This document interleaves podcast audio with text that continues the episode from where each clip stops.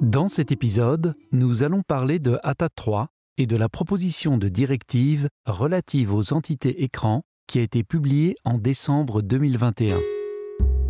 Meryl Kalari est avocate chez Tiberghien et spécialisée en estate planning. Podcast Tiberghien. Directive Société Écran. Cette euh, directive est intéressante non pas seulement pour les structures sociétaires, mais également pour la clientèle privée. Si vous avez donc des structures transfrontalières, il peut être intéressant de les faire réanalyser euh, au vu de cette nouvelle proposition de directive. Au niveau du timing, la transposition de la directive est prévue en droit interne pour le 30 juin 2023 et l'entrée en vigueur des dispositions de droit interne doit être effective pour le 1er janvier 2024. Le champ d'application euh, de la directive se limite actuellement aux entités qui sont résidentes d'un État membre de l'Union européenne. Mais quel est le principe de cette directive ATAD 3 c'est en fait de déterminer si une entité dispose d'une substance suffisante ou non. Comment déterminer si une entreprise dispose d'une substance suffisante? La proposition de directive élabore trois critères pertinents qui vont permettre de déterminer si l'entité dispose d'une substance suffisante. L'analyse de ces critères doit se faire sur base des deux derniers exercices de l'entité. Le premier critère est de déterminer si 75% des revenus ou des actifs de la société sont visés. Ces revenus visés sont des revenus passifs, comme des intérêts, des redevances, des dividendes, et les actifs visés sont des immeubles ou des, certains types de biens mobiliers dont la valeur dépasse un million d'euros. Par exemple, prenons une holding au Luxembourg qui perçoit uniquement des dividendes. Eh bien là, les 75% de revenus passifs seront remplis et le premier critère sera respecté. Le deuxième critère consiste à vérifier si 60% des revenus de l'entité proviennent d'activités transfrontalières ou si 60% de ses actifs sont situés à l'étranger. Dans l'hypothèse de cette holding luxembourgeoise qui percevrait des dividendes d'une société française, eh bien, effectivement, les dividendes proviennent de la France. Il s'agit donc d'une activité transfrontalière et le deuxième critère est rempli. Enfin, le troisième critère consiste à vérifier si la gestion de l'entité a été externalisée. Si la gestion de cette holding a été externalisée ou confiée à une fiduciaire luxembourgeoise, par exemple, eh bien, ce troisième critère sera rempli. Il existe des cas d'exemption prévus par la directive. On pense notamment aux entités réglementées, à certains types de holding ou à certaines entités qui auraient plus de 5 employés à temps plein. Dès lors que l'entité a rempli les trois critères et ne, ne se situe pas dans un des cas d'exemption, elle sera tenue de mentionner dans sa déclaration fiscale qu'elle remplit les critères et devra démontrer si elle satisfait ou pas à certains critères de substance minimale, comme par exemple disposer de ses propres locaux, avoir un compte bancaire effectif dans l'Union européenne ou avoir des administrateurs et des employés qui remplissent eux-mêmes un certain nombre de critères. Quelles sont les conséquences fiscales qui découlent de la qualification d'une entité en tant qu'entité écran? Ces conséquences fiscales sont au nombre de trois. La première est que les États membres, autres que l'État membre qui est l'État de résidence de l'entité écran, seront tenus de refuser l'octroi des avantages fiscaux qui découleraient de l'application d'une convention fiscale ou de la directive Murphy ou encore de la directive intérêt-redevance. La deuxième conséquence est que si les actionnaires de l'entité écran sont des résidents fiscaux d'un État membre de l'Union européenne, les revenus que l'entité écran va percevoir seront taxés directement dans le chef de l'actionnaire comme s'il les avait perçus lui-même, après déduction de l'impôt qui aurait été payé par l'entité écran dans son État membre. Enfin, l'État membre de l'entité écran sera obligé de rejeter toute demande de certificat de résidence. Ce dernier critère aura évidemment un impact sur l'application d'éventuelles conventions fiscales. La directive prévoit également un échange d'informations entre les États membres sur les entités qui qualifient d'entité écran, ainsi qu'une sanction en cas de non-respect de l'obligation de déclaration.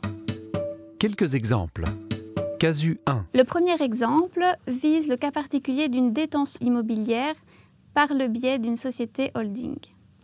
Prenons M. Dupont, résident belge, qui dispose de plusieurs immeubles à Saint-Tropez par le biais d'une holding familiale luxembourgeoise. Pour des raisons pratiques, M. Dupont a externalisé la gestion de sa holding à une fiduciaire luxembourgeoise. On analyse tout d'abord si les trois critères pertinents sont bien remplis.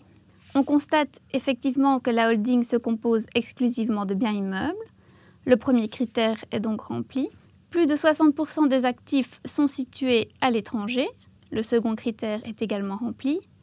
Et enfin, la gestion de la holding a été externalisée. Les trois critères sont donc remplis. La holding, à ce stade, est donc présumée ne pas avoir de substance minimale suffisante. Elle va devoir le mentionner dans sa déclaration fiscale et pour les besoins du présent exemple, on va considérer qu'elle n'est pas à même de démontrer qu'elle dispose d'une substance minimale par le biais d'un compte bancaire, de locaux à usage exclusif ou encore d'employés. Quelles sont les conséquences dans le cadre de cet exemple? La France et la Belgique vont devoir refuser les avantages fiscaux qui découleraient de directives ou de conventions fiscales. Monsieur Dupont sera imposé en Belgique sur le revenu perçu par sa holding luxembourgeoise, après déduction euh, de l'impôt payé par l'entité au Luxembourg. Le Luxembourg ne pourra pas octroyer de certificat de résidence à la holding. Et enfin, la France imposera les immeubles qui sont ci à Saint-Tropez et comme s'ils étaient détenus directement par M. Dupont, en tenant compte de la convention préventive de double imposition conclue entre la Belgique et la France. La question pourrait se poser de ce qu'il peut se passer dans le cadre d'une distribution de la holding luxembourgeoise ultérieure à M. Dupont. Eh bien, la directive ne se prononce pas sur ce point. Casu 2. Le deuxième exemple est celui de Madame Jasmin, qui est actionnaire résidente belge et qui détient une société de textile à Paris, par le biais d'une holding luxembourgeoise. Elle aussi, comme M. Dupont, elle a externalisé la gestion de sa holding à une fiduciaire luxembourgeoise. Dans le cadre de l'analyse des critères pertinents, on constate ici aussi que les trois critères sont remplis. Les revenus de la holding luxembourgeoise sont constitués de revenus passifs, puisqu'il s'agit de dividendes distribués par la société textile.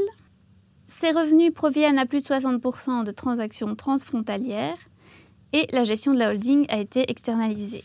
Ces trois critères sont remplis. La holding luxembourgeoise sera donc tenue de le mentionner dans sa déclaration annuelle. Et pour les besoins de l'exemple, on va à nouveau considérer qu'elle n'est pas en mesure de démontrer qu'elle dispose d'une substance minimale. Quelles seront les conséquences fiscales? Eh bien, la France et la Belgique seront tenues de refuser les avantages fiscaux qui pourraient découler d'une convention ou de directive applicable.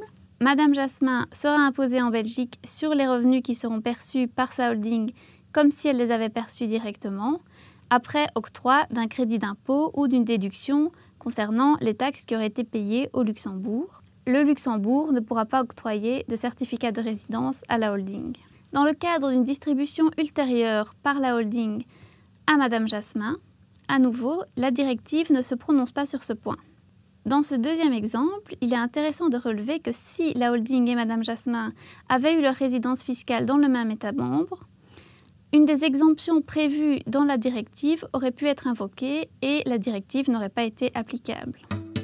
Casu 3. On reprend la même situation avec M. Dupont et ses immeubles à Saint-Tropez, Mme Jasmin et sa société de textile à Paris, mais cette fois, leur holding a été situé en Suisse.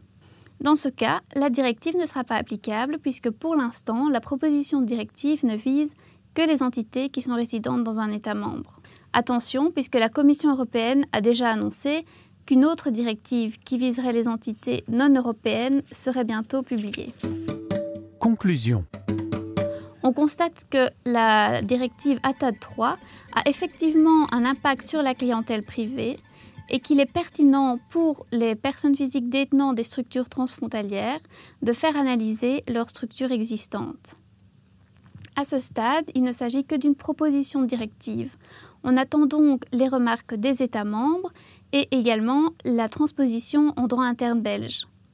La question va se poser de la mise en œuvre de cette nouvelle directive et de ces nouvelles dispositions avec les dispositions déjà existantes, comme par exemple la taxe Caïman. Si vous souhaitez plus d'informations sur le sujet, Je vous invite à aller consulter notre site internet où vous pouvez également vous tenir informé de l'évolution de la législation en la matière.